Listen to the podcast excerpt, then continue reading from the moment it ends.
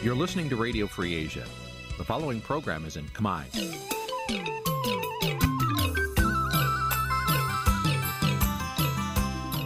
នេះជាកម្មវិធីផ្សាយ Vuthu Azizi Serai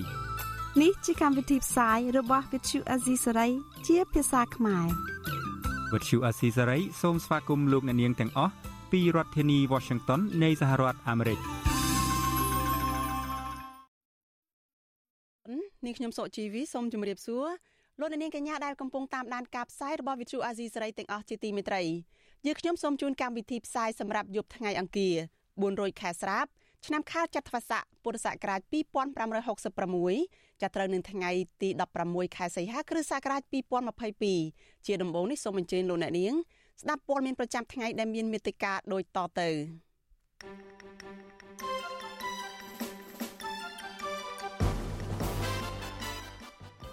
អ្នករាយការណ៍ពិសេសអង្គការសហប្រជាជាតិជួបសង្គមស៊ីវិលប្រមូលព័ត៌មានតាក់ទងនឹងការរំលោភសិទ្ធិមនុស្សកោះអង្គរៈលហ៊ុនសែនប្រើហិង្សាលើអ្នកកសែតនិងសង្គមស៊ីវិលតឡាការខេត្តពោធិ៍សាត់ផ្ដន់ទាទោសកម្មជនគណៈបកភ្លើងទៀនម្នាក់ទៀតដាក់ពន្ធនាគារ2ឆ្នាំពីបទក្លែងបន្លំឯកសារ វេទិកានៃស្ដាប់វិទ្យុអាស៊ីសេរីនឹងពិភាក្សាថាតើរដ្ឋាភិបាលគួរបង្ហាញអ្វីខ្លះដើម្បីធានាថាតំបន់ភ្នំតាម៉ៅមានសវត្ថិភាពពិតប្រាកដរួមនឹងព័ត៌មានសំខាន់សំខាន់មួយចំនួនទៀត។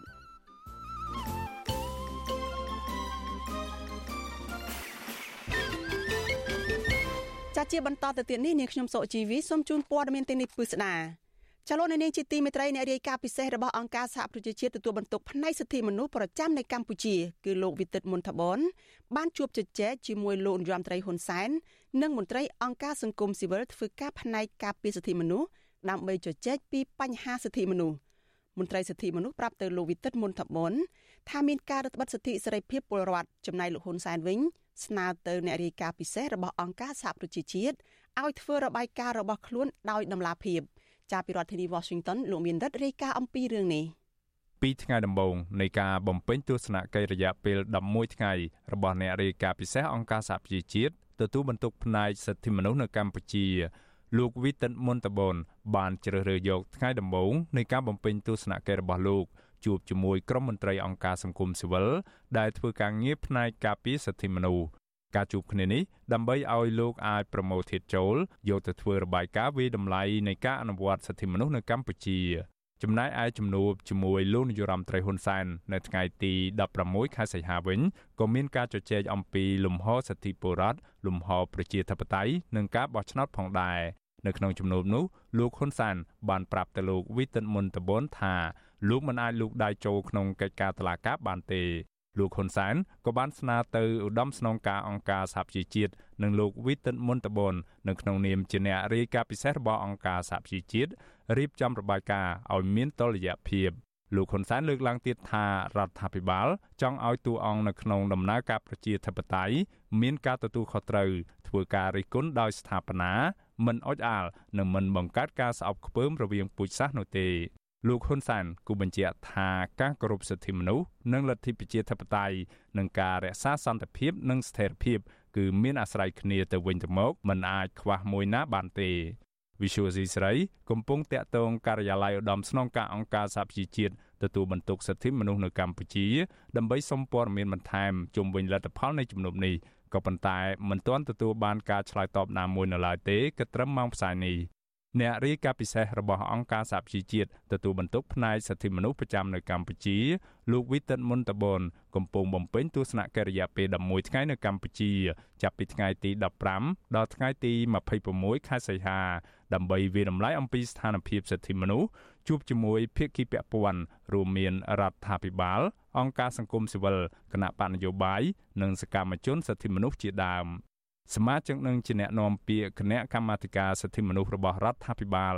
លោកកតាអូនយល់ថាដំណើរទស្សនកិច្ចនេះគឺជារឿងធម្មតារបស់អ្នករាយការណ៍ពិសេសអង្គការសហប្រជាជាតិដើម្បីប្រមូលព័ត៌មាន និងស្វែងយល់ពីបញ្ហាសិទ្ធិមនុស្សសម្រាប់ដាក់នៅក្នុងរបាយការណ៍ដែលអ្នករាយការណ៍រូបនេះនឹងថ្លែងប្រាប់កិច្ចប្រជុំក្រុមប្រឹក្សាសិទ្ធិមនុស្សនៃអង្គការសហប្រជាជាតិនៅខែកញ្ញានិងខែតុលាខាងមុខនេះ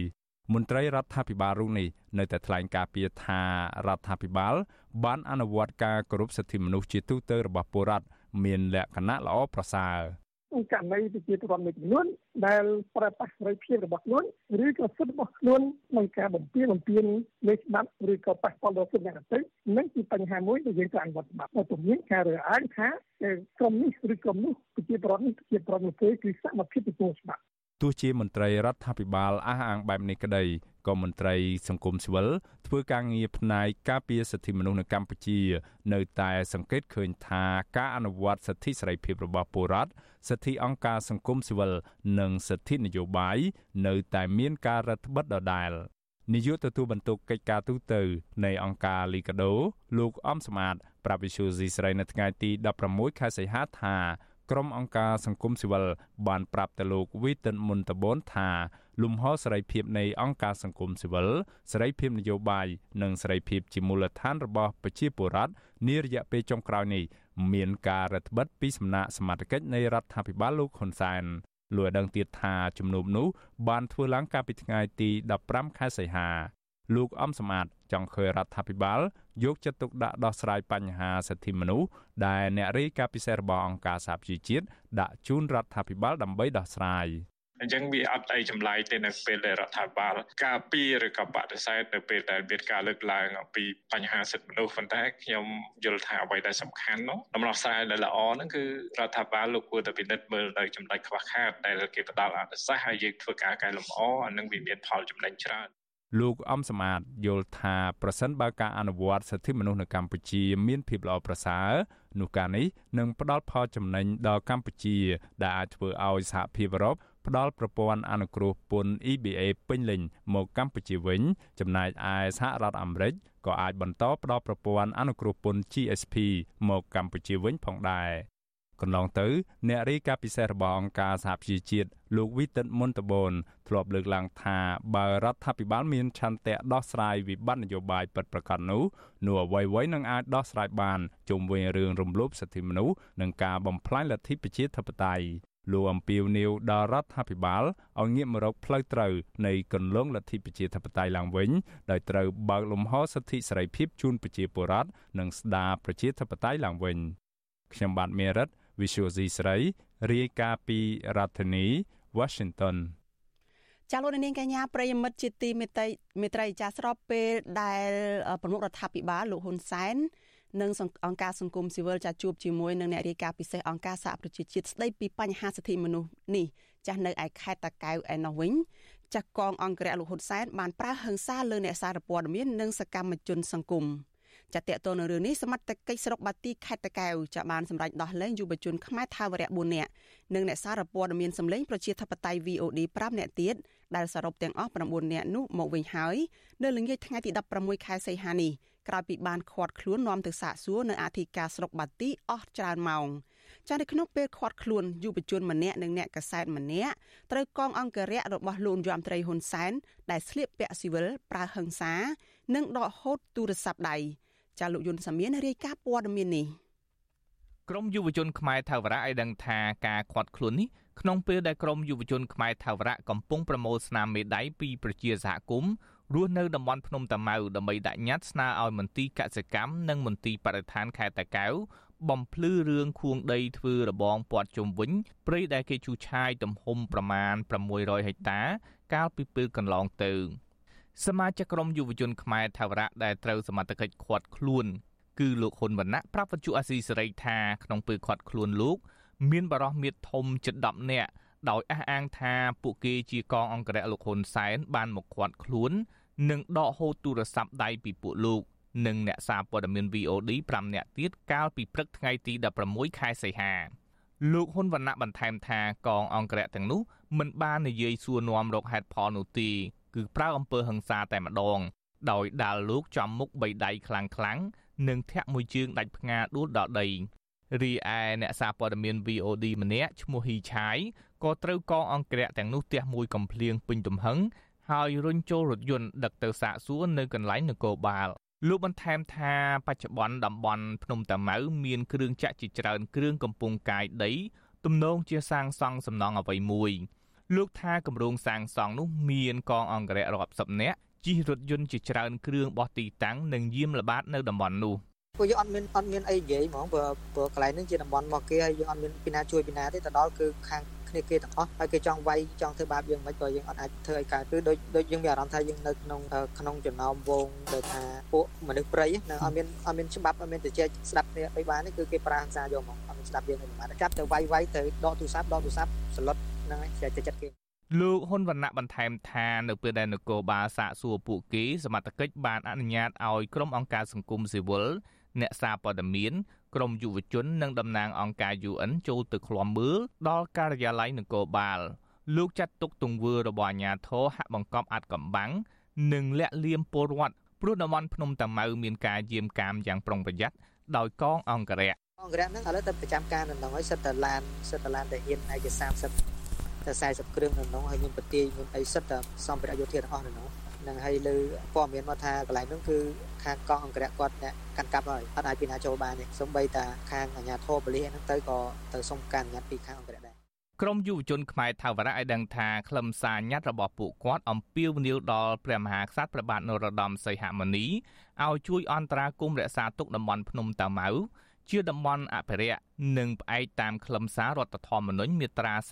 35វិទ្យុអាស៊ីសេរីមិនទាន់អាចតាក់ទងសុំការបំភ្លឺរឿងនេះពីអធិការស្រុកបាទី លោកឆាយកៅមនី និងស្នងការខេត្តតាកែវលោកឈៀងផាន់ណារ៉ាបាននៅឡើយទេនៅថ្ងៃទី16ខែសីហាដោយទូរស័ព្ទចូលជាច្រើនដង តែគ្មានអ្នកលើកជុំវិញរឿងនេះនាយកប្រតិបត្តិសមាគមសម្ព័ន្ធអ្នកសារព័ត៌មានកម្ពុជាហៅកាត់ថាកម្ពុជា លោកណូបវីចាត់ទុកទង្វើរបស់អាជ្ញាធរខេត្តតាកែវថាជាការរដ្ឋបិទគម្រាមកំហែងនិងរំលោភបំពានលើការអនុវត្តការងាររបស់អ្នកសារព័ត៌មាននិងក្រមយុវជនដែលបំពេញតួនាទីស្របតាមរដ្ឋធម្មនុញ្ញលោកបញ្ជាក់ថាសមត្ថកិច្ចខេត្តតាកែវមិនបានយកច្បាប់ជាមូលដ្ឋាន ក្នុងការអនុវត្តតាមតួនាទីនិងភារកិច្ចនោះទេគឺតែងតែគោរពប័ណ្ណបញ្ជាពីថ្នាក់លើធំជាងច្បាប់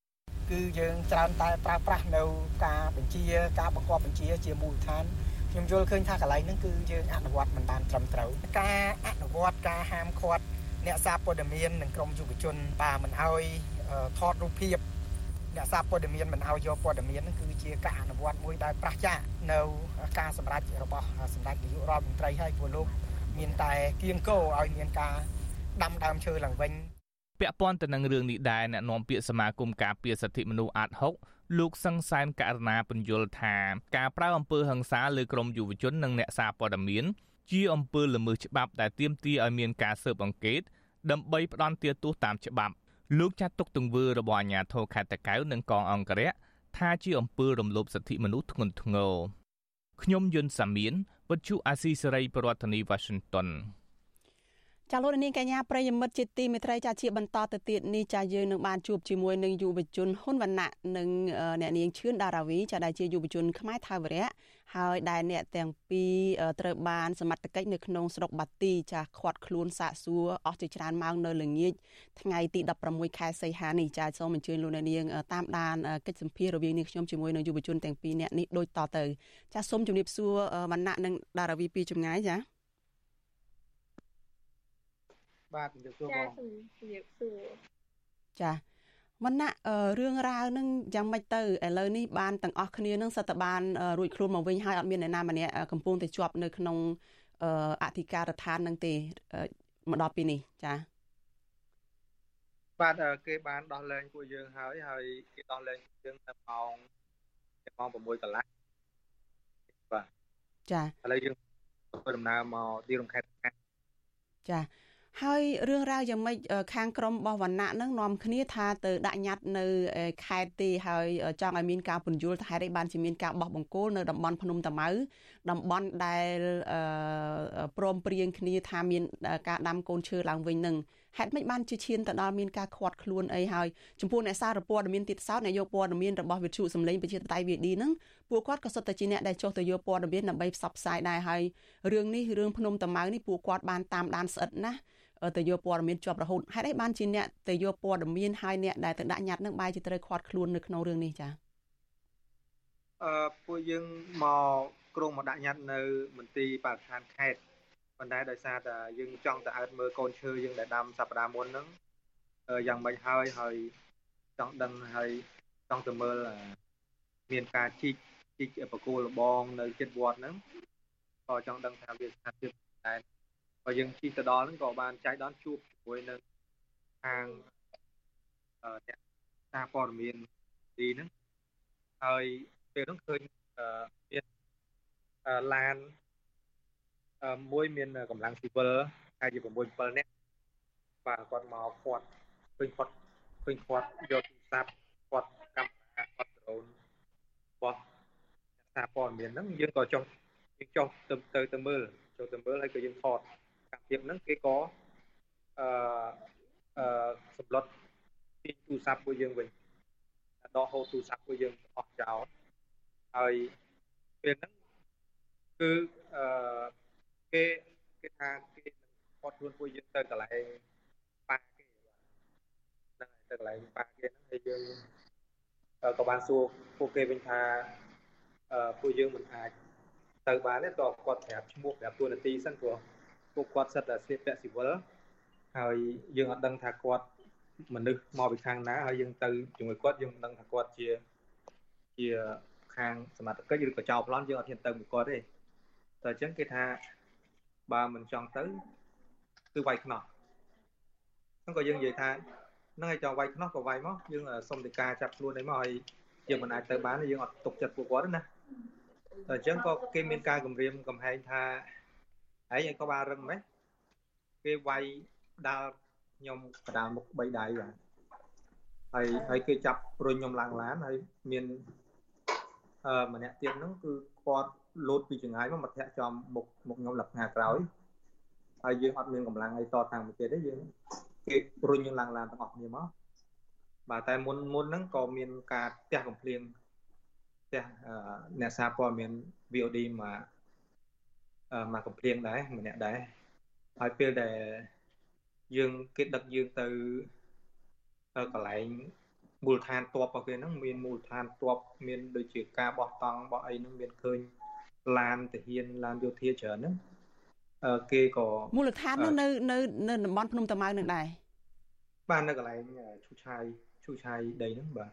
ឃើញមានគ្រឿងចាក់មានអីហោហែហ្នឹងហើយគេឲ្យយើងអឺ អឺផ្ដល់អតញ្ញម័នគេអតញ្ញម័នគេហើយគេឆែកខ្លួនយើងហើយមានការលុកស្ទាបបាទលុកស្ទាបអឺទេអឺដាច់ដាច់ដាច់សេវាណាបាទលុកស្ទាបខាងរាងកាយរាងកាយគ្នាយើងឈ្មោះអឺខ្លឹមសារខ្លឹមសារបាទហើយសេវាបាទចាគាត់ជាស្ត្រីមិនអញ្ចឹងណាបាទគាត់ជាស្ត្រីចាហើយក្រោយមកទៀតចា អឺក្រោយមកទៀតគឺយើងទៅដល់នោះគឺយើងដូចកូនចាបចឹងគឺតំបន់មកគេគឺសិតតែទាហានទាំងអស់ហើយគេថាកន្លែងហ្នឹងមិនមែនកន្លែងដែលយើងអាចធ្វើអីស្រេចចិត្តទេយើងត្រូវតែស្ដាប់គេត្រូវតែគោរពធ្វើតាមគេហើយគេគេគេត្រូវតែគេថាមិនត្រូវតែធ្វើអញ្ចឹងណាចា ហើយអាចមើលឃើញទេថាពេលហ្នឹងប្រហែលជាខាងវណ្ណៈឬក៏ក្រមរបស់វណ្ណៈហ្នឹងមានការភ័យខ្លាចមានការបារម្ភពីសវត្ថិភាពឬក៏ត្រូវតតាំងដោះស្រាយបញ្ហាជាមួយនឹងក្រមអ្នកដែលចាប់ខ្លួនវណ្ណៈហ្នឹងទៅតើបានសង្កេតឃើញថាតើក្រមទាហានឬក៏ក្រមអ្នកដែលថាមានដែលរៀបរៀងក្រមយុវជនហ្នឹងគាត់ធ្វើអីខ្លះនៅតំបន់ហ្នឹងគាត់គាត់កំពុងតែធ្វើអីនៅកន្លែងហ្នឹង ពេលដែលគេដឹកបញ្ជូនពួកយើងមកហ្នឹងឃើញមានមានឡានទាហានច្រើនគ្រឿងយើងមិនដឹងចំនួនច្បាស់តែច្រើនមែនតើហើយមានអឺគេបោះតង់បោះតង់ជាដូចប្រទេសទាហានអញ្ចឹងជាច្រើនតង់ហើយមានឃើញឡានស៊េរីទំនើបដូចជា5 6គ្រឿងដែរសិតតា Lancaster Hammer បាទហើយនៅក្នុងក្នុងបរិវេណហ្នឹងឃើញជាកងកម្លាំងគឺមាន មានផ្លាក logo BHQ មានន័យថាជាក្រុមកងអង្គរៈបាទខ្ញុំចង់ប្រាប់ដែរថាពេលដែលពួកយើងសួរអត្តសញ្ញាណពួកគាត់ឲ្យគាត់ផ្ដល់ឈ្មោះហើយនឹងអត្តលេខពួកគាត់ហ្នឹងគាត់ថាមិនបាច់ចាំចង់ដឹងឈ្មោះអញអីទេគាត់តែប្រាប់គាត់ដឹងថាអញអឺអឺអង្គកងអង្គរៈសម្ដេចហ៊ុនសែនគាត់និយាយចឹងណាតែមិនមិនចង់ដឹងឈ្មោះអីទេគាត់ប្រាប់ប្រាប់ដឹងតែប៉ុណ្្នឹងបានហើយចា អញ្ចឹងតាំងវណ្ណៈតាំងក្រមវណ្ណៈហើយនឹងអ្នកសារព័ត៌មាននឹងគឺអាចទៅដល់កន្លែងដែលឈូសឆាយឬក៏កន្លែងដែលកំពុងតែដាំកូនឈើនឹងទេអឺយើងអឺពេលទៅដល់គឺយើងយើងបានទៅដល់កន្លែងហ្នឹងប៉ុន្តែមានច្រកពីរច្រកមុខគឺខាងកងកម្លាំងអង្គរៈហ្នឹងគេបានបិទឲ្យអត់ឲ្យចូលទេ ប៉ុន្តែយើងចូលតាមច្រកមួយទៀតហ្នឹងគឺយើងបានចូលទៅដល់វត្តហើយក៏គេទៅចេញនេះថាពួកហ្នឹងចូលតាមច្រកណាសួរពួកពួកខ្ញុំណាពួកខ្ញុំអត់បានឆ្លើយទេប៉ុន្តែខាងគ្នាគេគេគេប្រាប់ថាពួកហ្នឹងចូលតាមច្រកក្រោយ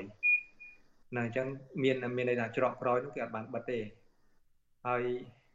គឺអ្នកសារព័ត៌មានឬមួយក៏អ្នកដែលថាចង់ទៅមើលអីតំបន់នោះគឺចូលអត់បានទេសូម្បីតែមន្ត្រីអឺសូម្បីតែមន្ត្រីអង្គការសង្គមស៊ីវិលមន្ត្រី អង្គការសហប្រជាជាតិអីហ្នឹងក៏អត់អាចចូលបានគឺគេបិទអស់ហើយអត់មានឲ្យពីណាចូលបានហើយអញ្ចឹងរៀងរាល់ការប្រើប្រាស់កាមេរ៉ាទូរស័ព្ទឲ្យថតតំបន់ហ្នឹងគឺមានការហាមឃាត់បាទហើយពេលដែលមានកិច្ចសន្យានៅក្នុងនៅក្នុងនៅសាលាអធិការស្រុកបាទីនេះគេបានដាក់ជាលក្ខខណ្ឌមួយរបស់យើងយើងអត់មានជំរឿទៅត្រូវតាទទួលយកទេបើអត់ទទួលយកគេអត់ដល់លែងទេគឺយើងត្រូវទទួលលក្ខខណ្ឌមួយថា បើសិនជាចង់ចុះទៅតំបន់ហ្នឹងអឺកាលនោះគេលក្ខខណ្ឌលក្ខខណ្ឌហ្នឹងលក្ខខណ្ឌអត់មានអត់មានសរសេរនៅក្នុងអត់មានសរសេរនៅក្នុងកិច្ចសន្យាហ្នឹងទេប៉ុន្តែគេប្រាប់មកថាបើចូលតំបន់ចង់ចូលតំបន់ហ្នឹងម្ដងទៀតត្រូវទៅសុំការអនុញ្ញាតពីខាងក្រមកងអង្គរៈជាការឋានបាទជាការឋានអង្គរៈសម្ដេចនាយករដ្ឋមន្ត្រីហ៊ុនសែនបានអាចចូលបានណាចា អញ្ចឹងសូមសូមងាកថយក្រោយបន្តិចវណ្ណៈនៅក្នុងពេលដែលទៅដល់អធិការដ្ឋានហ្នឹងតើគេសួរយើងពីអីខ្លះហើយមានឲ្យធ្វើកិច្ចសន្យាហ្នឹងដោយវណ្ណៈលើកឡើងចឹងប៉ុន្តែលើសពីហ្នឹងតើគេគេបានសួរនាំអីខ្លះតើគេចាត់ទុកថាយើងនឹងបានធ្វើខុសអីខ្លះទៅគេប្រើភាសាមួយថាយើងចូលផ្ទះគេអត់អឺអត់ប្រាប់ម្ចាស់ផ្ទះគេបាទហើយពេលហ្នឹងក៏មានការបកស្រាយទៅវិញទៅមកដែរគាត់គាត់ក៏អត់មានអីទៅជែកមួយយើងដែរយើងថា អឺម្ចាស់ផ្ទះអ្នកណាហើយតើយើងយើងអត់បានសុំការអនុញ្ញាតដោយរបៀបណាដោយសារតាពេលដែលមានការខាត់ខ្លួនពួកយើងនេះគឺខាត់នៅក្នុងបរិយាបរិវេណដីវត្តទេបាទដីវត្តដែលប្រជាពលរដ្ឋចិញ្ចោដល់ហ្នឹងមានប្រសង់មានអីគាត់គង់នៅហ្នឹងណាហើយតើវត្តហ្នឹងជាកម្មសិទ្ធិរបស់អ្នកណាអញ្ចឹងណាហើយទី2គាត់បាននិយាយថាអឺ ក្រមកងអង្គរៈហ្នឹងគឺគេបានចុះមកគ្រប់គ្រងតំបន់ហ្នឹងហើយគឺការការឈូសឆាយអឺសម្អាតអីកន្លែងហ្នឹងគឺគេគ្រប់គ្រងហើយអញ្ចឹងគឺមានការហាមឃាត់ទាំងអស់ជាពិសេសដ្រូនបាទដ្រូនមិនអាចបោះបានទេហ្នឹងហើយហើយអឺយើងអឺសុំការអនុញ្ញាតមានន័យថាតំបន់ដែលគេហាមឃាត់ហ្នឹងគឺយើងចូលអត់បានមានការអនុញ្ញាតអញ្ចឹងក៏យើងដាក់ជាសំណួរវិញថាតើ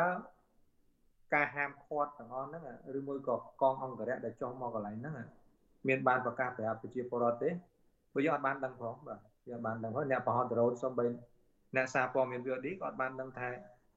កងអង្គរៈពួកកមុនគាត់ធ្លាប់បរហោះដ្រូនបានដែរដល់គាត់មកលើក្រោយទៀតគេដាក់កងអង្គរៈហើយគេប្រើប្រាស់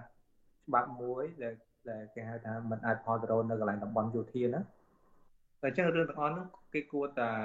ដល់ជូនដំណឹងឬក៏ដាក់ផ្លាកប្រាប់យើងណាមិនមែនមកទៅដល់យើងមកខាត់យកខាត់អីហើយប្រហិង្សាគម្រាមដកទូរស័ព្ទចោះទូរស័ព្ទអីចឹងវានេះទៅយើងអស់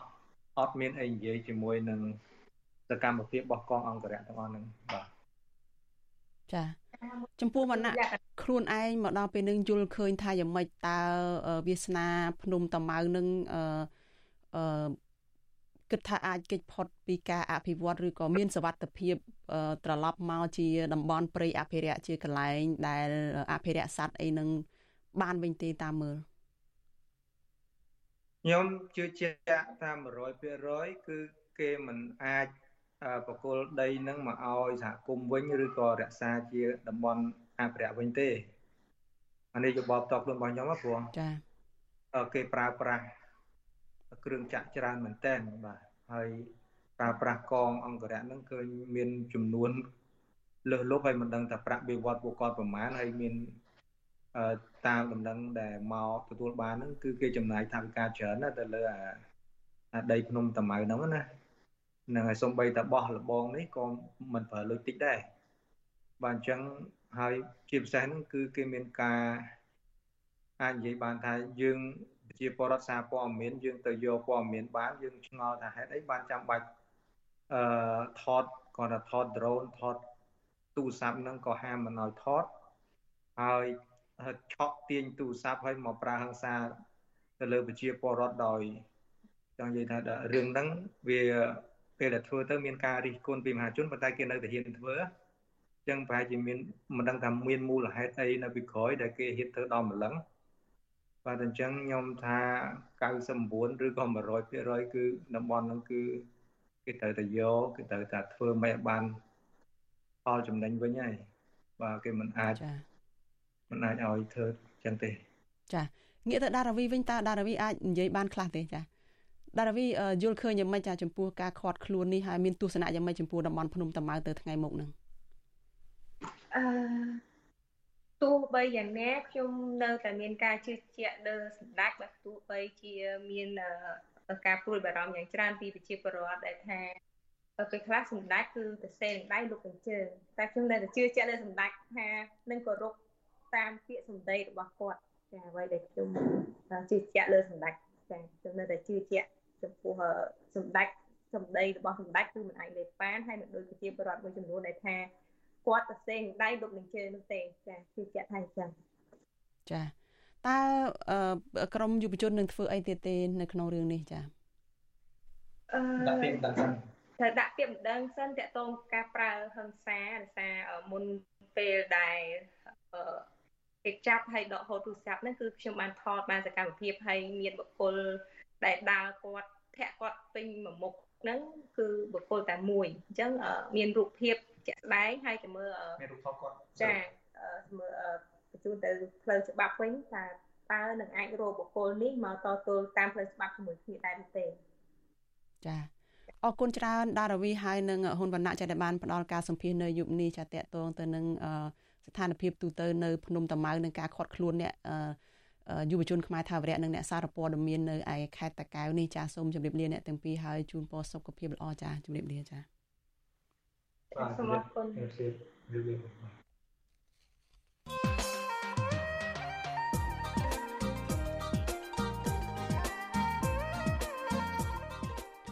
ចាលោកអ្នកនាងកញ្ញាប្រិយមិត្តជាទីមេត្រីចាលោកអ្នកនាងបានដឹងទាំងអស់គ្នាហើយថាអ្នកមានមុខមាត់នៅក្នុងសង្គមអ្នកមានប្រាក់មានឥទ្ធិពល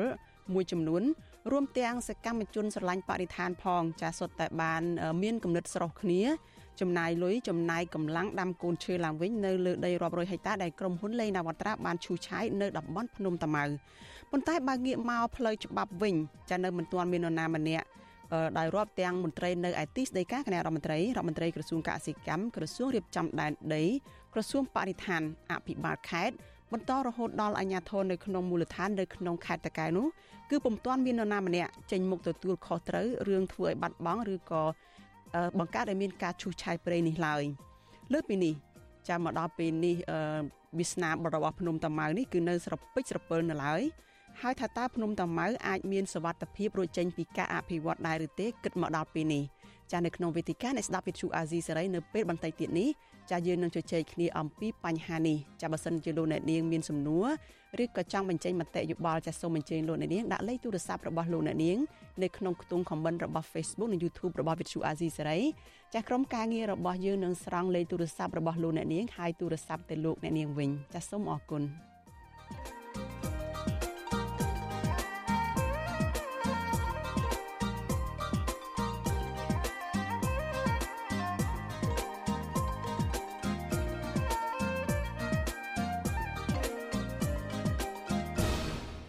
លោកនាងកញ្ញាប្រិយមិត្តជាទីមេត្រីលោកអ្នកកំពុងតែតាមដានការផ្សាយរបស់ Vithu Azizi ស្រីចាផ្សាយចេញពីរដ្ឋធានី Washington សហរដ្ឋអាមេរិកសេចក្តីរាយការណ៍ពីខេត្តពោធិ៍សាត់ឯណោះឲ្យដឹងថាតុលាការនៅក្នុងខេត្តនេះបានចេញសាលក្រមផ្ដន្ទាទោសកម្មជនគណៈបកភ្លើងទៀនម្នាក់ទៀតគឺលោកឈួនឈឿងឲ្យលោកជាប់ពន្ធនាគារ2ឆ្នាំនៅក្នុងបទចោទថាបានក្លែកបន្លំឯកសារសាធារណៈ ពាក់ព័ន្ធនឹងការរៀបចំឯកសារបញ្ជីឈ្មោះឈរឈ្មោះបោះឆ្នោតជ្រើសរើសក្រុមប្រឹក្សាឃុំសង្កាត់អាណត្តិទី5ប៉ុន្តែក្រុមគ្រួសារជនជាប់ឃុំនិងមន្ត្រីសង្គមស៊ីវិលចាត់ទុកសេចក្តីសម្រេចនេះថាជារឿងអយុត្តិធម៌និងជាការធ្វើទុកបុកម្នេញផ្នែកនយោបាយចាប់ពីរដ្ឋធានី Washington លោកទីនសការីយ៉ារាយការណ៍អំពីរឿងនេះសាលាដំបងខេត្តពោធិ៍សាត់នៅថ្ងៃទី16សីហាបានប្រកាសសាលក្រមសម្រាប់ផ្ដន្ទាទោសកម្មជនគណបកភ្លើងទៀនគឺលោកឈួនឈឿង ដែលជាបេក្ខជនមេឃុំឆ្លើយស្ដកស្រុកកណ្ដៀងខេត្តពោធិ៍សាត់ឲ្យជាប់ពន្ធនាគារ2ឆ្នាំពីបទក្លែងបន្លំឯកសារសាធារណៈពាក់ព័ន្ធនឹងការរៀបចំបញ្ជីដាក់ពាក្យចូលឈ្មោះមុនពេលបោះឆ្នោតជ្រើសរើសសមាជិកក្រុមប្រឹក្សាឃុំសង្កាត់កាលពីដើមខែមិថុនាកន្លងទៅប្រពន្ធរបស់លោកឈួនឈឿងគឺលោកស្រីជូជឿនប្រាប់វិទ្យុអាស៊ីសេរីក្រោយការប្រកាសសារក្រមនេះថាលោកស្រីខកចិត្តជាខ្លាំងចំពោះស្រុកដំបងខេត្តពោធិ៍សាត់ ដែលកាត់ទោសឲ្យប្តីលោកស្រីជាប់ពន្ធនាគារ2ឆ្នាំទាំងអយុធធរលោកស្រីអះអាងថាប្តីរបស់លោកស្រីជាមនុស្សស្អាតសមហើយប្រជាពលរដ្ឋនៅក្នុងមូលដ្ឋានគោរពស្រឡាញ់លោកស្រីចាត់ទុកការសម្រេចរបស់តុលាការនេះគឺជារឿងនយោបាយនិងលំអៀងទៅរកគណៈបកកណ្ដាលអំណាចលោកស្រីអះអាងថានឹងពឹងពាក់មេធាវីដើម្បីដាក់ពាក្យប្តឹងជំទាស់សារក្រមនេះទៅសាលាឧទ្ធរណ៍ខ្លែងប្លំឯកសារឯណាឯកសារគ្មានមេដៃមេអីចឹងឲ្យកាត់ទោសដល់តែ2ឆ្នាំអញ្ចឹងខ្ញុំអត់ព្រមអយុត្តិធម៌ហូបពេកទេទោសគាត់វាមិនដល់ថ្នាក់នឹងឲ្យគ្មានសាកសីឲ្យអ្នកប្តឹងនឹងក៏មិនចេញមកហើយសាកសីក៏គ្មានមកគ្រប់អញ្ចឹងខ្ញុំថាអយុត្តិធម៌ខ្ញុំខឹងខ្ញុំជាកំហឹងខ្ញុំតវ៉ាដែរខ្ញុំថាអយុត្តិធម៌ហូហេលោកស្រីចូលឈឿនឲ្យដឹងទៀតថាចាប់តាំងពីអាញាធរចាប់ប្តីលោកស្រីដាក់ពន្ធនាគារជាង5ខែមកនេះ គ្រូសាលោកស្រីប្រឈមនឹងបញ្ហាជីវភាពយ៉ាងខ្លាំងដោយគ្មានលុយឲ្យប្តីនិងបង់ថ្លៃភ្លើងឲ្យមន្ត្រីពន្ធនាគារប្រចាំខែខណៈប្តីលោកស្រីមានជំងឺរបេងនិងជំងឺថេតាណូសដែលត្រូវព្យាបាលនិងមើលថែជាប្រចាំពីគ្រូសាជាចាំបាច់វិទ្យុអាស៊ីសេរីមិនអាចតតងអ្នកនាំពាក្យស្លាដំបងខេត្តពោធិ៍សាត់លោកហេងដូនីនដើម្បីសុំបញ្ជាក់អំពីបញ្ហានេះបានទេនៅថ្ងៃទី16សីហាចាប់តាំងពីខែមិនិនាដល់ពេលនេះអាជ្ញាធរខេត្តពោធិ៍សាត់ បានចាប់ខ្លួនសកម្មជនគណបកភ្លើងទៀនដាក់ពន្ធនាគារចំនួន4នាក់ហើយក្នុងនោះលោកឈួនឈឿងជាបេក្ខជនមេឃុំឆ្លើយស្ដកស្រុកកណ្ដៀងនិងលោកអុកសាវរិន ជាបេក្ខជនក្រុមរក្សាឃុំអន្សំចម្បក់ស្រុកក្រកោដោយតុលាការផ្តន្ទាទោសពួកគាត់ម្នាក់ម្នាក់ចំនួន2ឆ្នាំពីបទក្លែងបន្លំឯកសារសាធារណៈទាក់ទងនឹងការរៀបចំបញ្ជីបេក្ខជនចូលឈ្មោះសម្រាប់ការបោះឆ្នោតឃុំសង្កាត់កាលពីថ្ងៃទី5មិថុនាកន្លងទៅ ចំណែកលោកហែមឈិលជាបេក្ខជនក្រុមប្រឹក្សាឃុំសៀស្រុកកណ្ដៀងនិងកូនប្រុសអាយុ15ឆ្នាំម្នាក់វិញត្រូវតុលាការចាប់ប្រកាន់ពីបទប្រើប្រាស់ឧបករណ៍នេសាទខុសច្បាប់ប៉ុន្តែក្មេងប្រុសឈ្មោះពឹមដារ៉ាវ៉ាន់ត្រូវបានសាលាដំបងខេត្តពោធិ៍សាត់ដោះលែងពីពន្ធនាគារវិញកាលពីថ្ងៃទី5ឧសភាកន្លងទៅរីឯលោកហែមឈិលត្រូវបានសាលាឧទ្ធរខេត្តបាត់ដំបងចេញសាលដីកាសម្រេចដោះលែងឲ្យនៅក្រៅឃុំបណ្ដោះអាសន្នកាលពីថ្ងៃទី21កក្កដា អ្នកនាំពាក្យគណៈកម្មាធិការជាតិរៀបចំការបោះឆ្នោតលហុងពុធាប្រាប់វិទ្យុអសិរ័យថាកោជបមិនមានការស៊ើបអង្កេតស្វែងរកការពិតទាក់ទងនឹងករណីខ្លែងបន្លំឯកសាររបស់សកម្មជនគណៈបកភ្លើងទីនេះទេប៉ុន្តែលោកយល់ថាសារក្រមនេះផ្អែកលើអង្គហេតុនិងអង្គច្បាប់វាមិនមែនស្ថិតនៅលើសម្ដីរបស់អ្នកណាមួយទេគឺត្រូវមានអង្គហេតុអង្គច្បាប់ត្រឹមត្រូវអញ្ចឹងការសម្រេចថាជាប់ពាក់ព័ន្ធនឹងការខ្លែងឯកសារនេះខ្ញុំជឿថា វាអាចមានផលតាងច្បាស់លាស់ហើយបានតែមានការចាត់ប្រកាន់ណាបាទទោះជាយ៉ាងណាអនុប្រធានគណៈបកភ្លើងទៀនខេត្តពោធិ៍សាត់លោកយ៉ានសេងហូតថ្លែងថាសេចក្តីសម្រេចរបស់តុលាការនេះមិនបានផ្ដល់យុត្តិធម៌និងមិនអាចទទួលយកបានទេពីព្រោះលោកឈួនឈឿងមិនបានប្រព្រឹត្តខុសច្បាប់អ្វីឡើយលោកបញ្ជាក់ថាលោកឈុងឈឿងបានចុះបំពេញការងារអំឡុងពេលរៀបចំបញ្ជីបេក្ខជនចូលឈ្មោះគណៈបកភ្លើងទៀននៅឃុំស្រែស្ដុកកន្លងមកត្រឹមត្រូវតាមច្បាប់ មិនដោយការសម្រេចរបស់សាលាដំបងនេះទេលោកចាត់ទុកករណីនេះគឺជាការគម្រិតកំហែងលើសកម្មជននយោបាយដែលនឹងអាចប៉ះពាល់ដល់ដំណើរការបោះឆ្នោតជ្រើសតាំងតំណាងរាស្ត្រនាពេលខាងមុខថែមទៀតយល់ឃើញថាវាមានភាពអយុត្តិធម៌ហើយគិតថាជាការកាត់ទោសឬកាត់ក្តីពាក់ព័ន្ធទៅនឹងរឿងនយោបាយច្រើនជាងការអនុវត្តច្បាប់ព្រោះសំណុំរឿងរបស់លោកជន់ឈឿងគឺជាសំណុំរឿងមួយដែលកើតឡើងមុនការបោះឆ្នោតឃុំ ជំវិញនឹងរឿងនេះអ្នកសម្រាប់សម្រួលនៃអង្គការលីកាដូប្រចាំខេត្តពោធិ៍សាត់លោកចឹកចត្រាថ្លែងថាលោកសង្ស្ដាយចំពោះសារក្រមនេះលោកយល់ថាសំណុំរឿងរបស់លោកឈួនឈឿងគឺជារឿងនយោបាយមិនមែនជាការអនុវត្តច្បាប់នោះឡើយលោកអះអាងថាសវនាការជំនុំជម្រះក្តីនេះពុំមានសាកសីជុំបំភ្លឺនិងភ័ស្តុតាងដាក់បន្ទុកហើយដំណើរការអនុវត្តនីតិវិធីទៀតសោតហាក់មានភាពមិនប្រក្រតីលោកបារម្ភថាការសម្រេចបែបនេះនឹងប៉ះពាល់ដល់សិទ្ធិសេរីភាពជាមូលដ្ឋានរបស់ប្រជាពលរដ្ឋ ក្នុងការចូលរួមសកម្មភាពនយោបាយចំពោះរឿងនេះការប្រអន្តទោសនេះយើងឃើញថាវិជាការរដ្ឋបတ်សិទ្ធិសេរីភាពរបស់សកម្មជនរបស់គណៈបកភ្លឹងទីននៅតាមមូលដ្ឋានពីសំណាក់អាជ្ញាធរក៏ដូចជាខាងបកកណ្ដាលអំណាចផ្ទាល់តែម្ដងកាលពីដើមខែឧសភាសមាជិកសភាអឺរ៉ុបដ៏ច្រើនលើសលប់បានបោះឆ្នោតអនុម័តញត្តិមួយថ្កោលទោសលើហ៊ុនសែន និងទាមទាររដ្ឋាភិបាលកម្ពុជាបញ្ឈប់ការយាយីគ្រប់រូបភាពលើការអនុវត្តសិទ្ធិសេរីភាពរបស់ពលរដ្ឋនិងត្រូវដោះលែងអ្នកជាប់ឃុំដោយសាររឿងនយោបាយហើយត្រូវស៊ើបអង្កេតដោយឯករាជ្យលើករណីឃាតកម្មអ្នកបញ្ចេញមតិរិះគន់រដ្ឋាភិបាលជាដើមសភាអឺរ៉ុបបានជំរុញឲ្យស្ថាប័នអឺរ៉ុបអនុម័តវិធានការនានាប្រឆាំងនឹងក្រុមមេដឹកនាំកម្ពុជាក្នុងនោះរួមទាំងការព្យួរទាំងស្រុងនៅប្រព័ន្ធអនុគ្រោះពន្ធ EBA ជាដើម ក្រុមគ្រួសារនៅអង្គការសង្គមស៊ីវិលជាតិអន្តរជាតិចាត់ទុករឿងក្តីក្តាំនេះថាជាការធ្វើទុកបុកម្នេញផ្នែកនយោបាយនិងថ្កោលទោសរដ្ឋាភិបាលលហ៊ុនសែនដែលបានប្រើប្រាស់ប្រព័ន្ធតុលាការដើម្បីបង្ក្រាបសម្លេងគណៈបកនយោបាយដែលលេចធ្លោនិងជាដៃគូប្រកួតប្រជែងជាមួយគណៈបកកណ្ដាលអំណាច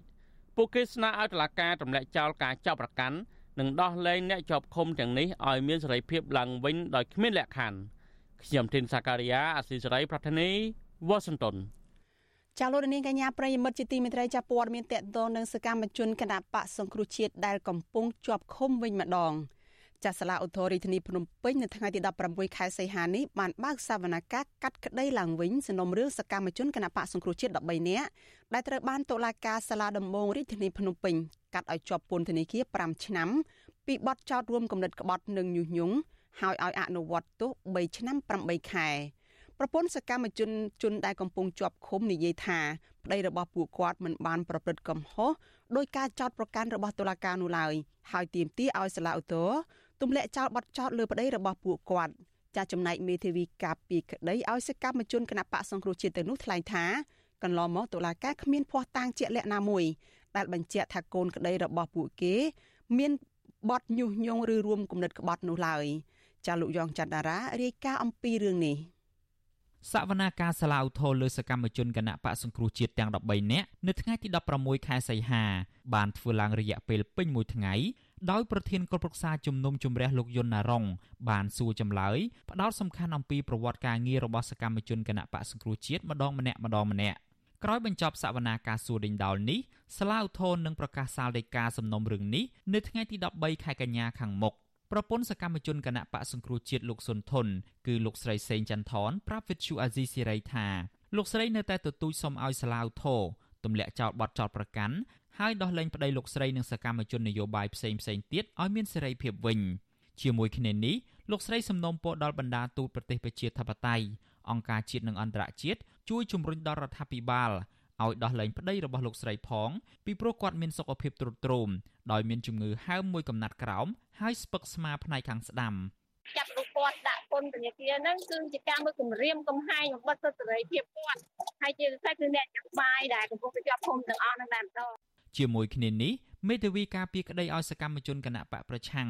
លោកសំសុគង្គយល់ឃើញថាការកាត់ទោសលើកូនក្តីរបស់លោកទាំង13នាក់នេះគឺមិនយុត្តិធម៌ឡើយ ពីព្រោះភ័ស្តុតាងដែលបានដាក់បន្ទុកលើកូនក្តីរបស់លោកទាំងឡាយកន្លងមកនោះมันបានបង្ហាញអំពីចេតនាណាមួយតាក់ទងទៅនឹងការចង់ផ្ដួលរំលំរដ្ឋាភិបាលឬបង្កឲ្យមានភាពវឹកវរធ្ងន់ធ្ងរដល់សន្តិសុខសង្គមឡើយ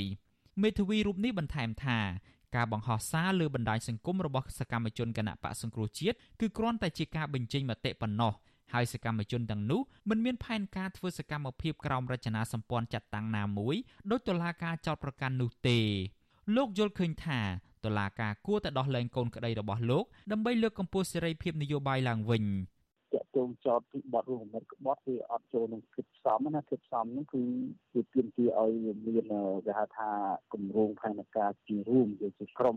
ហើយទៅតែមានប្រព័ន្ធទំនាក់ទំនងគ្នារវាងអ្នកបង្កើតផែនការហ្នឹងហើយនិងអ្នកអនុវត្តហើយដែលកលាការចោទថាជាបណ្ដាញចំណាត់ហ្នឹងប៉ុន្តែយើងមើលនៅក្នុងក្នុងរឿងរបស់ស៊ូរិកដល់វាអត់ចូលឃើញផងសារដែលមានបណ្ដាញចំណាត់នៅក្នុងហ្នឹងណាវិទ្យុអាស៊ីសេរីមិនអាចតាក់ទងប្រធានសាឡាវធរភ្នំពេញលោកយូប៊ុនលេងដើម្បីសុំការអធិប្បាយអំពីសំណុំរឿងនេះបានទេ នៅថ្ងៃទី16ខែសីហាដោយទូរស័ព្ទចូល តែពុំមានអ្នកទទួលគិតមកដល់ពេលនេះ សកម្មជនគណៈបកសង្គ្រោះជាតិទាំង13នាក់បានជាប់ពន្ធនាគារអស់រយៈពេលជាង2ឆ្នាំមកហើយតុលាការក្រុងភ្នំពេញបានសម្រេចផ្តន្ទាទោសកម្មជនគណៈបកប្រឆាំងទាំង13នាក់រួមមានលោកកៅថៃ លោកសុនធុនលោកខឹមភាណា លោកយឹមសារ៉េតលោកជុំច័ន្ទលោកពីតម៉ាប់និងសកម្មជនមួយចំនួនទៀតដាក់ពន្ធនាគារម្នាក់5ឆ្នាំប៉ុន្តែឲ្យអនុវត្តទោសពន្ធនាគាររយៈពេល3ឆ្នាំ8ខែហើយទោសដែលនៅសល់ត្រូវបានព្យួរជុំវិញរឿងនេះ អ្នកនាំពាក្យសមាគមការពារសិទ្ធិមនុស្សអាត6លោកសឹងសានករណាយល់ឃើញថា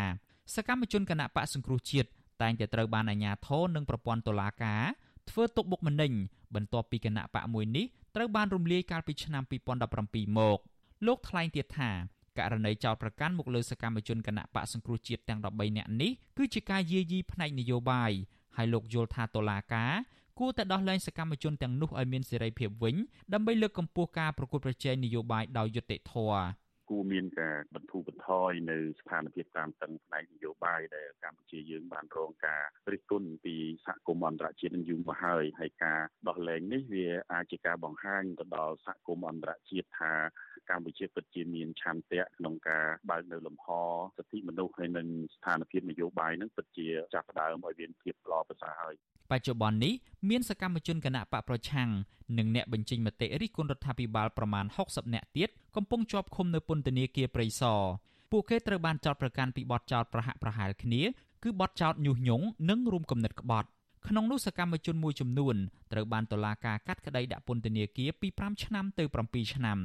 កន្លងទៅក្រុមអង្គការសង្គមស៊ីវិលជាតិនិងអន្តរជាតិព្រមទាំងទីភ្នាក់ងាររបស់អង្គការសហប្រជាជាតិផងបានចាត់ទុកក្តីក្តាំលើសកម្មជនគណៈបកសង្គ្រោះជាតិនិងអ្នកបញ្ចេញមតិរិះគន់រដ្ឋាភិបាលទាំងអស់ថាជាការធ្វើទុកបុកម្នេញផ្នែកនយោបាយ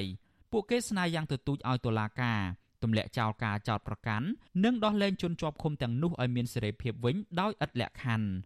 ខ្ញុំយ៉ងច័ន្ទដារាវិទ្យុអាស៊ីសេរីរាយការណ៍ពីរដ្ឋធានី Washington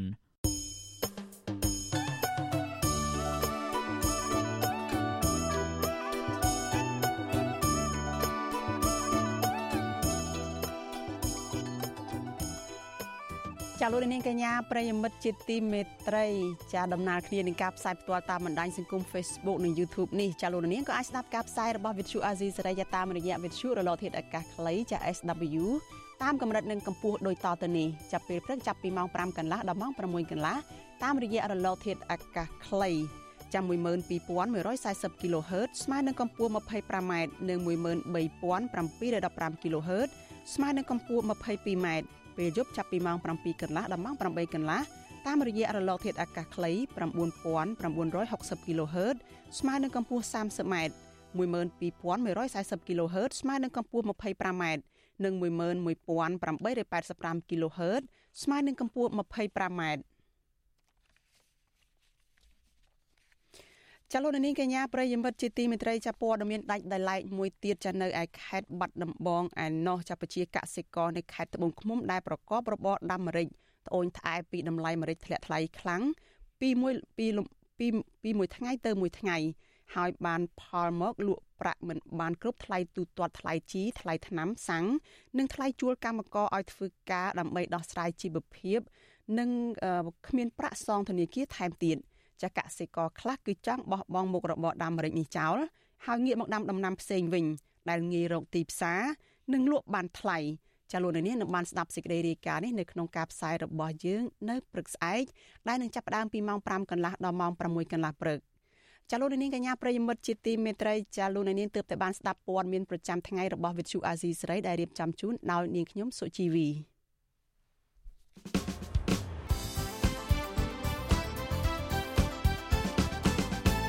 ចាជាបន្តទៅទៀតនេះគឺជានីតិវេទិកាអ្នកស្ដាប់វិទ្យុអាស៊ីសេរី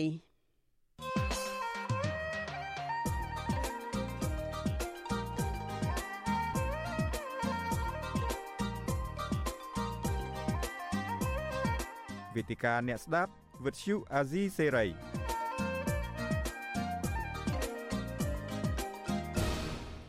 ចា៎នេះខ្ញុំសុកជីវីសូមជម្រាបសួរសាជាថ្មីដល់លោកនាងដែលកំពុងតែតាមដានការផ្សាយរបស់ Vithu Azizi សេរីទាំងអស់ជាទីមេត្រីចា៎នីតិវេទិកាអ្នកស្ដាប់ Vithu Azizi សេរីនៅយប់នេះចា៎យើងនឹងជជែកថាតើរដ្ឋាភិបាលគួរបង្ហាញអ្វីខ្លះដើម្បីធានាថាតំបន់ភ្នំតាម៉ៅមានសវត្ថិភាពពិតប្រាកដចាព័ត៌មានថ្មីដែលយើងទើបទទួលបានតកតទៅនឹងតំបន់ភ្នំតាម៉ៅនេះគឺពេលនេះកំពុងតែមានក្រុមទាហានដែលជាកងអង្គរៈលោកយមត្រីហ៊ុនសែននឹងនាំគ្នាទៅគ្រប់គ្រងនៅតំបន់នោះ ហើយមានការរារាំងមិនឲ្យក្រមយុវជន ក្នុងនោះក៏មានក្រមយុវជនខ្មែរថាវរៈហើយនឹងអ្នកសារព័ត៌មាននឹងក៏ត្រូវហាមឃាត់មិនឲ្យចូលទៅយកព័ត៌មាននៅក្នុងតំបន់នោះដែរចាបើទោះជាយ៉ាងណាកន្លងមកនេះយើងបានដឹងហើយថានៅតំបន់ដែលមានការឈូសឆាយព្រៃដោយក្រុមហ៊ុនលេងណាវត្រាដែលមានទំហំអស់ជិត600ហិកតានោះគឺមានអ្នកដែលគាត់មានមុខមានមាត់នៅក្នុងសង្គមអ្នកដែលមានប្រាក់ អ្នកដែលមានអំណាចមានឥទ្ធិពលមួយចំនួនហ្នឹងហើយរួមទាំងសកម្មជនបរិស្ថានផងហ្នឹងក៏មានគំនិតស្រស់ស្រស់គ្នា ថាបានចេញមុខចំណាយលុយហើយចំណាយពេលវេលាហ្នឹងទៅដាំកូនឈើឡើងវិញនៅលើដីដែលបានឈូសឆាយរួចរាល់នោះប៉ុន្តែមកដល់ពេលនេះចំពោះផ្នែកផ្លូវច្បាប់វិញចាគឺមិនទាន់មាននរណាម្នាក់ មន្ត្រីណាម្នាក់ចារាប់តាំងពីមន្ត្រីនៅទីស្តីការគណៈរដ្ឋមន្ត្រីតាំងពីរដ្ឋមន្ត្រីក្រសួងកសិកម្មរដ្ឋមន្ត្រីក្រសួងបរិស្ថានរដ្ឋមន្ត្រីក្រសួងរៀបចំដែនដីនគររូបនីយកម្មនិងសំណង់ចាអភិបាលខេត្តតាកែវហើយនឹងអាជ្ញាធរពាក់ព័ន្ធមួយចំនួនទៀតនៅក្នុងមូលដ្ឋាននៅក្នុងខេត្តតាកែវនេះគឺមិនទាន់មាននរណាម្នាក់ចាចេញមុខឬក៏ត្រូវដាក់ឲ្យទទួលខុសត្រូវចំពោះការឈូសឆាយព្រៃនៅតំបន់ភ្នំតាម៉ៅដែលអស់រហូតដល់ទៅជិត600ហិកតានោះនៅឡើយទេ ហើយតកតងនឹងព័ត៌មានដែលយើងទទួលបានថ្មីហ្នឹងគឺតំបន់ភ្នំតាម៉ៅនេះហាក់ដូចជាស្រពេចស្រពិលណាស់មិនដឹងថាតើភ្នំតាម៉ៅអាចរួចផុតពីការអភិវឌ្ឍដែរឬក៏យ៉ាងណា ហើយតើមានរឿងអ្វីកើតឡើងសម្រាប់តំបន់ភ្នំតាម៉ៅនេះតទៅមុខទៀតនៅពេលដែលក្រមយុវជនក្រមប្រជាពលរដ្ឋត្រូវហាមឃាត់មិនឲ្យចូលទៅតំបន់ដែលកំពុងតែមានការដាំកូនឈើឡើងវិញនឹង ចានៅក្នុងយប់នេះយើងនឹងជជែកពិភាក្សាអំពីរឿងនេះហើយភ្ញៀវរបស់យើងមានពីររូបគឺមានលោក Alejandro Gonzalez Davidson ហៅថា Alex ដែលជាស្ថាបនិកអង្គការមេដាធម្មជាតិហើយមួយរូបទៀតនឹងគឺកញ្ញាភួនកែវរស្មីកញ្ញាគឺជាសកម្មជនចលនាមេដាធម្មជាតិចាសូមជម្រាបសួរអ្នកទាំងពីរពីចម្ងាយចាបាទសូមជម្រាបសួរចាសូមជម្រាបសួរចា អាឡិចសុខសប្បាយជាទេចាខានឃើញអាឡិចយូរមកហើយចាមកដល់ពេលនេះតើយ៉ាងម៉េចទៅសុខទុក្ខចាបាទសូមជម្រាបសួរមួយសាទៀតហើយខ្ញុំប្រហែលខែកន្លងមកហ្នឹងខ្ញុំមិនសូវចង់និយាយជាសាធារណៈដោយសារអឺឃើញដូចយុវជន ខ្មែរជាពិសេសសកម្មជនបរិស្ថានហ្នឹងគឺឆ្លាតជាងខ្ញុំនិយាយជាសាធារណៈល្អជាងខ្ញុំហើយ មានប្រសិទ្ធភាពជាងខ្ញុំទៅទៀតអញ្ចឹងបានខ្ញុំហ្នឹងរយៈពេលប្រហែលខែកន្លងមកហ្នឹងខ្ញុំសូមខ្ញុំបានបន្ធូរបន្ថយវត្តមានតាមសារព័ត៌មានបាទអរគុណចាចាយើងនឹងជជែកគ្នាពីថាតើស្ថានភាពយ៉ាងណាខ្លះនៅតំបន់ភ្នំតាម៉ៅនឹងថាតើរដ្ឋាភិបាលនឹងគួរតែបង្ហាញអ្វីខ្លះដើម្បីធានាថាភ្នំតាម៉ៅនេះមិនត្រូវងាកចេញពីការអភិរក្សបាទ ទុកជាតំបន់ព្រៃអភិរក្សជាកន្លែងដែលការពារសត្វព្រៃនឹងទេហើយអឺយើងនឹងជជែកគ្នាតកតទៅនឹងពីចំណុចដែលយើងផ្ដោតទៅលើថាតើស្ថានភាពទូទៅនៅដែលពេលដែលយើងមើលព័ត៌មានទូទៅមានការរារាំងក្រមយុវជនមានការរារាំងអសារព័ត៌មាននេះថាតើស្ថានភាពបែបនេះវាបង្ហាញថាយ៉ាងម៉េចហើយមួយវិញទៀតហ្នឹងក៏យើងពិនិត្យមើលផ្លូវច្បាប់ដែរថាតើ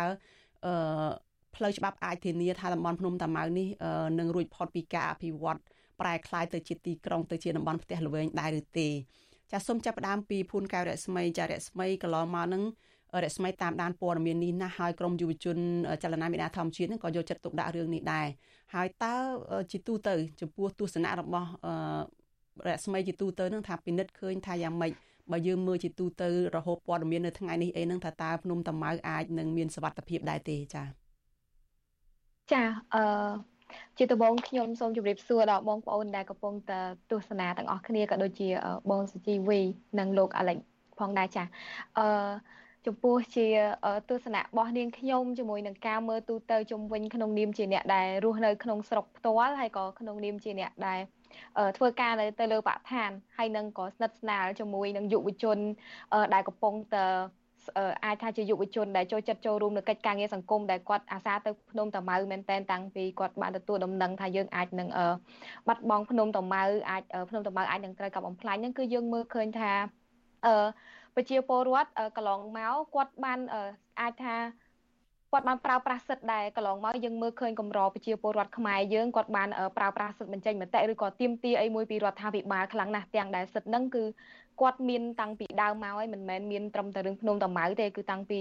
គ្រប់រឿងទាំងអស់ឲ្យតែជាអីដែលជាការទៀមទារបស់ប្រជាពលរដ្ឋគឺរដ្ឋាភិបាលគាត់ត្រូវយកចិត្តទុកដាក់ស្រាប់តែហើយហើយយើងមើលឃើញថាប្រជាពលរដ្ឋគាត់បានប្រើប្រាស់សិទ្ធិរបស់គាត់រហូតទៅដល់ឃើញថាលោកនាយករដ្ឋមន្ត្រីហ៊ុនសែនហ្នឹងគាត់បានប្រកាសនៅថ្ងៃ ប្រហែលថ្ងៃក្រោយមានការផ្ទុះខ្លាំងពីការទៀមទាពីប្រជាពលរដ្ឋហ្នឹងថាប្រឈប់ទាំងអស់នៅសេចក្តីប្រកាសជាសាធារណៈនានាដែលពាក់ព័ន្ធជាមួយភ្នំតាម៉ៅប៉ុន្តែបើឲ្យសម្រាប់នាងខ្ញុំជាអ្នកដែលយើងតាមដានព័ត៌មានច្រើនចាដូចក៏ដូចជានាងខ្ញុំបានស្ដាប់សម្ដីលោកនាយករដ្ឋមន្ត្រីហ៊ុនសែនចាដែលជាបរិះខ្លាំងនៅក្នុងប្រទេសយើងច្រើនដងពាក់ព័ន្ធជាមួយការបដិញ្ញា បើសិនជាខ្ញុំការពារព្រៃព្រៃឈើមិនបានកាត់ខ្ញុំឲ្យកាត់ក្បាលខ្ញុំក៏ខ្ញុំធ្លាប់លឺចាបឹងទៅមុខជាបឹងដែលយើងត្រូវតែការពារមិនអាចប៉ះពាល់បានទេបឹងទៅមុខក៏ខ្ញុំធ្លាប់លឺចាហើយនៅពេលដែលនាងខ្ញុំបានឃើញជាមួយរឿងភ្នំតាម៉ៅអាចថាសម្រាប់ខ្ញុំខ្ញុំគិតថាជាពាក្យសម្ដីឲ្យប្រជាពលរដ្ឋស្ងប់ចិត្តផងដែរចាព្រោះអាចថាមើលទៅដូចជាស្ថានភាពមានការទៀងទាពីបងប្អូនប្រជាពលរដ្ឋច្រើនពេកគាត់អាចថា អឺបង្ហោះសារមួយភ្ជាប់ជាមួយរូបភាពបង្ហាញថានឹងមានការកែប្រែនឹងមានការប្រឈប់នៅសេចក្តីប្រកាសជាសាធារណៈនានាហ្នឹងប៉ុន្តែយើងអត់ឃើញមានការចេញលិខិតប្រកាសជាសាធារណៈបែបផ្លូវច្បាប់ចេញពីក្រសួងណាចេញឲ្យមានត្រាទទួលខុសត្រូវដោយអ្នកណាហើយនឹងមានលក្ខខណ្ឌឬមួយក៏អាចថាជាជាលិខិតមួយដែលធ្វើឲ្យបងប្អូនប្រជាពលរដ្ឋក៏ដូចជាពួកយើងជាយុវជននឹងស្ងប់ចិត្តអាចថានឹងអាចដេកបិទភ្នែក លក់ស្រួលដែលថាភ្នំតាម៉ៅនឹងមានសវត្ថភាពទេព្រោះបើគ្រាន់តែជាពាក្យសម្ដីរបស់លោកជាការបង្ហោះសាររបស់លោកនៅលើគណនីផ្ទាល់ខ្លួនហ្នឹងវាមិនមែនជារស្មីរស្មីយើងដឹងទាំងអស់គ្នាហើយយើងក៏បានដឹងព័ត៌មានដែរថាមានអ្នកដែលគាត់មានមុខមានមាត់នៅក្នុងសង្គមមានទាំងអង្គញាអ្នកដែលមានប្រាក់ហើយអ្នកមានអធិបុលមួយចំនួននឹងមានទាំងសិល្បករអីផង មានទាំងនាយកស្ថាប័នសារព័ត៌មានអីស្និទ្ធនឹងលោកហ៊ុនសែននេះផងហ្នឹងសុទ្ធតែចេញមកថាអូត្រៀមហើយនឹងផ្ដល់កូនឈើប៉ុណ្ណេះដើមប៉ុណ្ណេះដើមផ្ដល់ប្រាក់ប៉ុណ្ណេះ ដើម្បីទៅដាំកូនឈើឡើងវិញដូច្នេះមិនគួរណាដែលយើងមិនមិនទុកចិត្តទេពីព្រោះថាមនុស្សចេញមកគ្រប់គ្នាសុទ្ធតែយកចិត្តទុកដាក់ថាពួកគេនឹងទៅដាំកូនឈើឡើងវិញដូច្នេះតំបន់ភ្នំតាម៉ៅនឹងគួរតែជាតំបន់ដែលនឹងសម្បូរព្រៃបើទោះបីជាត្រូវចំណាយពេល4 10ឆ្នាំទៅមុខទៀតដើម្បីឲ្យព្រៃនឹងដុះឡើងវិញក៏ដោយក៏គួរជាទីទុកចិត្តដែរចា៎ចាំអឺ